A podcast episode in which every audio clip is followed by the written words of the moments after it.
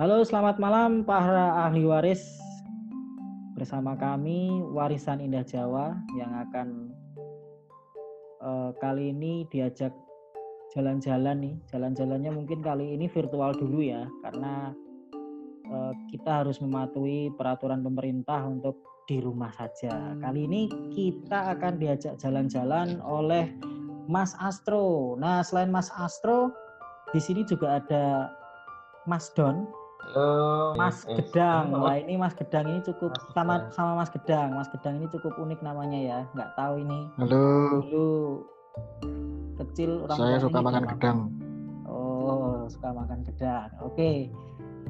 Mas Astro nanti akan memandu jalan-jalan virtual kita ke Borobudur. Harusnya udah nggak asing lagi di telinga ahli waris ahli waris kalian ya. Oke, Mas Astro, kita mulai jalan-jalannya ya. Oke, halo teman-teman. Halo. Jadi, halo. Halo, halo, halo. Halo. Kita, kita akan mulai jalan-jalan di Borobudur virtual. Oke, kalau gitu, kalau udah siap semuanya, kita akan mulai sama-sama.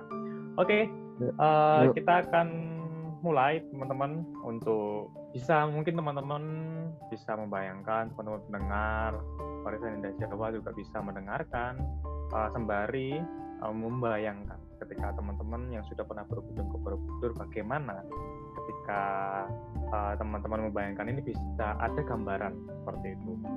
Jadi untuk tour kali ini kita akan mulai dari uh, sisi timur. Rutenya dari sisi timur kita nanti akan uh, searah jarum jam. Jadi ketika teman-teman mau naik ke atas sandi itu, nah kita nanti ke arah jarum jam atau ke kanan terlebih dahulu. Jadi di sebelah kanan ada apa sih ini sebenarnya di sebelah uh, kanan ini ketika kita dari timur ini atau kita mencoba untuk memutari arah jarum jam atau yang dinamakan pradaksina. Nah, jadi ketika nanti kita sudah uh, akan sampai seperempat putaran ke arah selatan, kita nanti akan menemukan yang namanya teman-teman uh, adalah relief Karmai Bangga teman-teman mungkin ada yang sudah pernah mendengar, ada yang belum uh, juga. Tapi untuk nama Karma Bangga ini mungkin menurut saya tidak terlalu asing. Mungkin uh, ada yang bisa menafsirkan, oh karma berarti berhubungan dengan karma. Iya, betul sekali berhubungan dengan karma. Jadi di relief Karma Bangga ini uh, dijelaskan ada empat panel relief yang menjelaskan bagaimana sebab akibat yang dilakukan atau sebab akibat yang dimunculkan oleh perbuatan-perbuatan kita. Jadi ini uh, berada di level atau uh, dasar paling dasar belum termasuk level paling dasar dari uh, Candi Borobudur. Sebelum kita naik di sini ada Karma Bangga dan di Karma Bangga Karma Bangga ini teman-teman di situ teman-teman bisa melihat uh, ada panel ada panel relief yang menceritakan yang bernama Pirupa atau muka jelek. Jadi di situ digambarkan ketika manusia masih penuh dalam dosa, masih penuh dalam uh, dunia prostitusi dan saling gibah seperti itu, tidak mau saling menolong, maka akibat atau karma yang mereka dapatkan adalah uh, bermuka jelek atau Pirupa yang pi berarti jelek dan rupa berarti muka teman-teman seperti itu. Nah, jadi di pada pada dasarnya di level uh, sebelum kita level yang pertama kita akan uh, berkenalan dulu uh, dengan dunia masih penuh dengan dosa. Nah, setelah di Karma Bangga kita nih nanti akan naik ke level selanjutnya yaitu di level yang uh, pertama. Nah, mungkin kalau dari teman-teman yang ada di sini nih, mungkin udah ada yang pernah ke Karma Bangga belum ini teman-teman? kalau saya tuh malah nggak paham saya beberapa kali ke Borobudur. Itu nggak tahu kalau harus ada rutenya gitu loh. Jadi oh, ya ke sana asal asal datang aja muter-muter cari pemandangan foto-foto selfie udah pulang.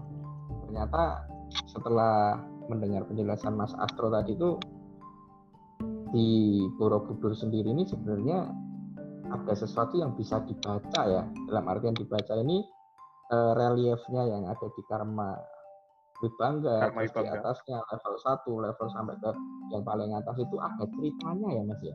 Oh betul, semuanya ada uh, ada ceritanya dan ada bagian masing-masing serta uh, fungsinya masing-masing dan tujuannya masing-masing seperti itu Mas. Wah menarik sekali ya uh, sepertinya ini ya apalagi ya, yang tadi berkaitan dengan karma wibangga tadi kalau Mas Yusuf jelaskan ada hubungannya dengan karma-karma tadi kalau kemarin saya baca di twitternya warisan indah Jawa itu kan juga ceritanya itu ada di Karma Wibanda itu kan ya sebenarnya ya.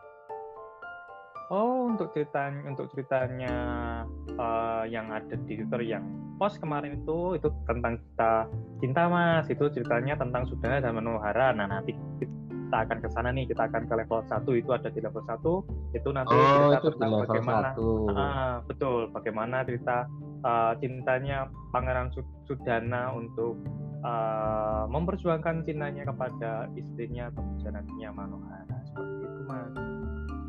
Oh, saya pikir itu masih di Karma Wibangga. Enggak ya, oke oke. Teruskan mas, bawa kami ke uh, cerita yang lebih seru lagi mas. Oke, jadi teman-teman ketika sudah dari ketika teman-teman sudah berkunjung nih dari Karma Wibangga, teman-teman uh, sana bisa belajar bagaimana kita sebab akibat ketika kita melakukan yang buruk kita akan dapat yang buruk. Ketika kita melakukan yang baik kita juga akan mendapat uh, akibat yang baik juga. Setelah itu kita akan move lagi. Kita akan untuk umur singkat kita akan naik ke level 1 jadi semua cerita dimulai dari uh, timur. Ketika kita di level 1 di level 1 ini uh, adalah galeri di mana cerita dari Pangeran Sudana uh, dan Manohara ini terlukiskan. Jadi ada 20 panel relief di sana yang menceritakan tentang bagaimana perjuangan dari seorang pangeran, seorang pangeran dari suatu kerajaan yang mana uh, mencari cinta sejatinya hingga nanti dia pun akan kehilangan cinta sejatinya, seperti itu dan dia harus berjuang uh, sebagaimana dia untuk mendapatkan keinginannya untuk mendapatkan istrinya kembali. Uh, mungkin mirip-mirip sama Ramayana, mungkin uh, Ramayana teman-teman pasti sudah pada kenal apa itu Ramayana, uh, bagaimana ceritanya. Nah ini mirip, tapi ini versinya dalam versi uh, Budi seperti itu teman-teman. Jadi uh, ada beberapa tidak terlalu panjang juga dan ada beberapa bagian yang mungkin uh, hampir mirip-mirip karena memang uh, dari segi konsepnya untuk uh, Hindu dan Buddhis memang uh, ada kesamaan seperti itu. Ah, gini uh, Mas astronot, saya potong sedikit ya. Uh, oh, kalau ya, kemarin saya baca-baca di Twitter itu itu kan si Manohara itu kan uh, ditahan di rumah lalu Pangeran Sudana itu disuruh pergi dari istana ya. Itu kan itu karena sedang ini mas covid mas. Jadi harus oh, di rumah. oh harus social Bener. distancing ya. Betul, mungkin mas. pangeran sudananya suruh beli hand sanitizer mungkin sama masker gitu. Sama alkohol. Sama alkohol. Nah itu uh, mas astronot ini bisa tahu ceritanya detail nggak kalau uh, si Manohara ini uh, kenapa tiba-tiba kok uh, bisa dibenci gitu sama ibunya uh, Pangeran Sudana atau dibenci sama mertuanya ya gitu. Karena kan hmm. kalau di cerita ini kan digambarkan Manohara itu cantik, baik, tinggi, Betul. putih, wangi loh mas. Istrible sekali mas. Followernya banyak di Instagram misalnya gitu. Nah, ini kok bisa dibenci? Biasanya Apakah gitu mas kalau tinggal sama mertua mas. Oh, curhat, Mas.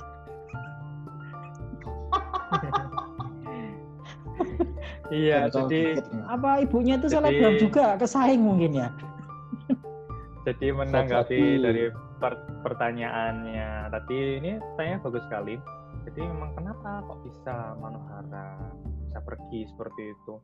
Jadi mem memang uh, yang pertama uh, ibunya ini memang dilema mas seperti itu karena memang anak semata wayangnya yaitu Pangeran Sudana yang sudah uh, tampan, gagah seperti itu suami able sekali lah pokoknya dan uh, belum juga mendapatkan seorang istri Pujanati. Tetapi ketika pada suatu saat datanglah Manohara dan Manuhara ini uh, adalah kalau boleh saya jelaskan memang berupa uh, bisa dibilang bidadari seperti itu. Dan wujud aslinya adalah setengah burung di bagian bawah dari pinggang ke bawah dan uh, pinggang ke atas adalah manusia. Dan ketika uh, bidadari ini atau namanya yaitu kinari kinari adalah sebutan untuk bidadari perempuan dan kinara adalah sebutan untuk bidadara seperti itu. Dan uh, Manuhara ini ketika atau Kinari ini ketika berada di bumi otomatis dia akan menyerupai uh, manusia seperti itu. Nah, tetapi ada kalanya uh, Kinari ini uh, juga akan menyerupai wujud aslinya, entah itu ketika dia setelah mandi atau sebelum mandi, entah itu ketika dia berhubungan dengan burung-burung uh, atau berhubungan dengan teman-temannya burung-burung yang ada di langit sana. Uh, Kalau pas mandi bentuknya kayak apa, Mas? Gimana mas? Kalau pas Kalau mandi basah mas. Mandi. Oh, oh basah, ya? mungkin bisa ditanyakan ke burung-burung mas. Iya. Iya. Jadi jadi seperti itu mas. Jadi ketika di bumi menyerupai wujud manusia. Nah suatu saat eh, ketika itu uh, ibu ini entah bagaimana menemukan bahwa uh, ternyata wujud aslinya istri dari anakku ini ternyata adalah uh, bukan makhluk uh, bumi atau bukan manusia seperti itu. Ternyata adalah uh, makhluk yang itu setengah burung seperti itu. Kalau Dari boleh situ, tahu Mas astronot, sorry, hmm, hmm. tahu nggak ini jenis burungnya burung apa ya? Setengah burung setengah manusia. Kalau burungnya burung apa ini burung? Kalau cendrawasih oh, itu yang... kan mungkin bagus ya. Mungkin ibunya ini kecewa hmm. karena mungkin dia setengah burung Untul mas. Empret mas. Oh, empret. Bangun. Nah, itu kecap, Mas. Itu kecap. ya, jadi memang uh, belum tertafsirkan apa jenis burung apa yang ada di relief itu juga. Karena memang ketika ketika menemukan bahwa manu, manuhara adalah setengah uh, makhluk uh, surga dan setengah burung setengah manusia, timbullah perasaan, ternyata uh, menantuku ini bukan manusia sepenuhnya ternyata rupanya aslinya seperti itu. Timbullah rasa kebencian dan hujatan itu disebarkan oleh ibu dari Pangeran Sudana ini ke anggota-anggota kerajaan yang lainnya. Setelah itu dibuatlah sebuah rencana besar dikirimkanlah salah satu pasukan hmm, Pangeran Sudana untuk membuat pelaporan palsu agar uh, Pangeran Sudana dikirimkan untuk pergi keluar dari sana sehingga ibu dan anggota-anggota kerajaan lain yang membenci Manuhara pun bisa menjalankan rencananya untuk mengusir Manuhara pergi dari kerajaannya dan kembali dan kembali ke kayangan dalam bentuk asli wujud aslinya seperti itu mas. Wah berarti ini mungkin untuk cerita lengkapnya mungkin eh, teman-teman ahli waris ini bisa baca lagi di Twitter ya mas mungkin ya? Betul. Di sana di sana udah dituliskan kok cerita lengkapnya bagaimana uh, dari awalnya ke, gimana kok Pangeran Sudana ini bisa ketemu sama Manuhara gimana sih ceritanya terus gimana Manuhara nanti kembalinya gimana ya? Itu di Twitter ada semua mas. Mungkin teman-teman bisa cek di sana. Ada tweetnya juga di sana bisa cek cerita-ceritanya dan pastinya sih seperti itu mas. Kembalinya naik apa mas? Kembalinya itu terbang mas sama Pangeran Sudana mas dibawa Pangeran Sudana. Kan oh, lagi nggak boleh terbang Pangeran Sudana itu juga bisa terbang mas? Itu Pangeran Sudana uh, bisa terbang? Ya bisa terbang. Tetapi ada yang membuat Pangeran Sudana itu bisa terbang. Nah uh, ketika mencari petunjuk untuk menemukan istrinya uh, dia dianugerahi sesuatu oleh dari seorang resi dan uh, benda itu bisa digunakannya untuk terbang dan membawa Manohara kembali ke kerajaannya seperti itu mas. Nah, apa itu yang di... yang dijelaskan di di Twitter kan ada yang menjelaskan ada apa itu piring terbang apa apa itu ya? Oh ada nggak sih mas di Twitter itu mas? Hmm, kalau kalau sebenarnya mungkin beberapa orang ada yang oh di Candi Borobudur ada piring terbangnya ini ada relak tentang piring terbangnya ini ada UFO seperti itu. Nah itu memang ada yang beranggapan memang, memang seperti itu memang reliefnya memang ada mas memang ada relief yang seperti itu tapi relief itu relief itu adalah sebenarnya adalah relief tentang Jataka mas atau tentang cerita tentang binatang-binatang yang di mana takdirkan sebenarnya penampilan sebenarnya atau relief itu adalah uh, UFO itu UFO itu tadi adalah sebuah lotus atau bunga teratai yang terbang diiringi dengan terbangnya gajah dan kuda seperti itu mas. Wah kalau oh. gitu uh, kapan nih mas bisa mungkin cerita lebih lanjut tentang uh, relief benda terbang ini yang ada di Jataka ya? Karena hmm, ini kan nggak semua orang uh, tahu gitu setiap kali naik Borobudur ternyata adalah ada satu panel yang uh, menyatakan kalau zaman dulu pun uh, orang-orang melihat uh, benda yang tidak teridentifikasi atau bisa disebut UFO gitu. Hmm. hmm, hmm. hmm. Oke okay, untuk uh, sebenarnya uh, pertanyaannya juga kita akan kita akan mengarah ke sana teman-teman kita akan bagi teman-teman yang penasaran tentang cerita-cerita Jataka apa sih itu Jataka sebenarnya? Uh, cita-cita apa sih yang dibahas di sana? Dan apa saja sih apakah itu ceritanya cuma sekitar cerita biasa ataukah ada maknanya apakah ada tujuannya berapa ceritanya nah untuk lebih lanjutnya besok nih kita akan update lagi nih di twitternya Warisan Indah Jawa. Kita akan update salah satu cerita Jataka yang di cerita itu juga ada bisa pelajaran yang kita ambil dari bagaimana kita bisa meng, bisa berterima kasih kepada orang yang telah membantu kita dan itu kita bisa ambil pelajaran itu dari kita Jataka Java Sakuna Jataka seperti itu. Wah tidak sabar nih buat eh, tahu ceritanya lagi nih mengenai piring terbang tadi. Nah saya biasa ngelihat piring terbang itu kalau ada yang marah mas. Nah ini kalau yang curhat lagi mas. Saya belum pernah lihat itu. Gimana mas? Curhat lagi wo. Curhat lagi. Curhat lagi itu mas Doni sepertinya. Oh curhat. Wah, menarik, menarik ini. Wah, berarti ini kalau misal Borobudur ini dikupas, hmm, jangan mas, minggu, jangan mas. dikupas mas. Bisa oh, berminggu, nanti bisa habis. lama sekali ya mas kalau mau ini mau bisa lama sekali mas karena memang banyak sekali cerita yang di situ. Memang dari 2629 relief sekian lah. Uh, itu semua ada ceritanya dan itu kalau kita detailkan atau spesifikkan atau kita konsep satu-satu itu nggak akan habis mas. 2000 itu yang kelihatan mas? Itu yang kelihatan mas. Kalau yang nggak kelihatan? Kalau yang nggak kelihatan adanya karena bangga tadi mas karena ditutup jadi nggak kelihatan. Oh. Nah mungkin untuk um, mau lebih lanjutnya kalau mau dikupas dan sebagainya mungkin selama ini masa-masa darurat mungkin nanti kita bisa bisa tahu wisata online dulu. Nanti kalau kita sudah aman dan semuanya semuanya sudah membaik mungkin kita bisa jalan-jalan sama-sama ke sana mas seperti itu. Wah menarik nih. Bisa bisa ditemenin jalan-jalan sama mas astronot nih ya? Hmm, hmm, hmm, bisa banget oke mbak untuk para ahli waris nih karena kita sudah difasilitasi oleh Mas astronot.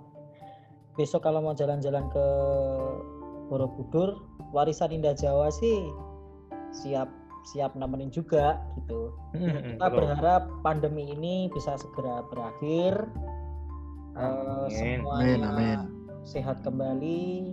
Yang paling pasti adalah untuk sekarang kita harus patuhi uh, apa yang dianjurkan pemerintah dan kita harus menjaga kesehatan tetap jaga jarak sehingga penyebaran virus ini juga tidak menghambat kita untuk ya pengen jalan-jalan ke salah satunya ke Borobudur ini. Gitu. Betul betul. Nah, kalau saya tadi tetap bahagia. Tetap bahagia betul. yang kuncinya. Mas Astro, kalau boleh saya potong, tadi kan ada mm -hmm. 2.600 sekian relief ya.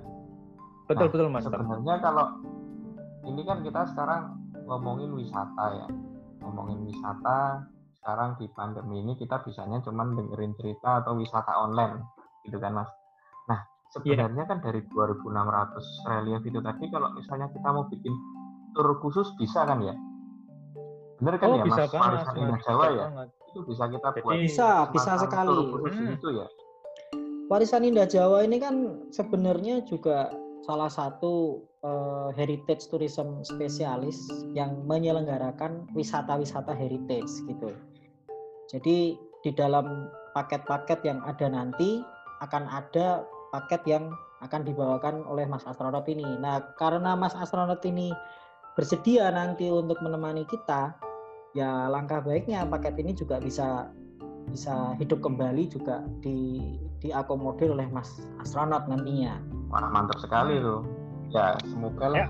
eh, pandemi ini bisa segera berakhir, kita bisa jalan-jalan melihat benar-benar reliefnya, diceritain, bisa tahu beneran. Nah itu pasti akan lebih asik. Jadi ke sana nggak cuma selfie aja gitu loh seperti yang selama ini saya lakukan. Apalagi kalau pas gandeng cewek gitu kan akhirnya malah nggak nonton relief nonton yang lainnya gitu.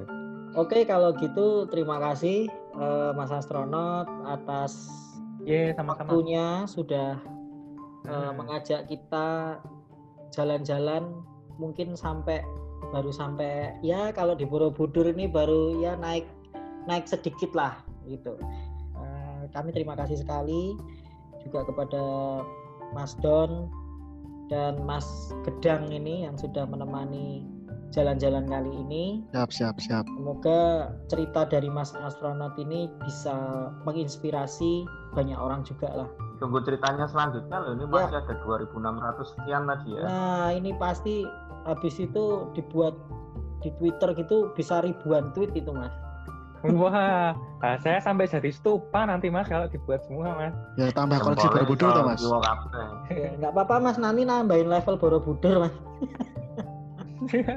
jadi yang paling atas itu ya mas ya. Ayo level 5 paling pedes. Jadi, jadi okay. penangkal petirnya ya mas ya. Oke kalau gitu kita ucapkan terima kasih kepada Mas Astronot, kepada teman-teman sekali lagi. Sampai jumpa di podcast berikutnya.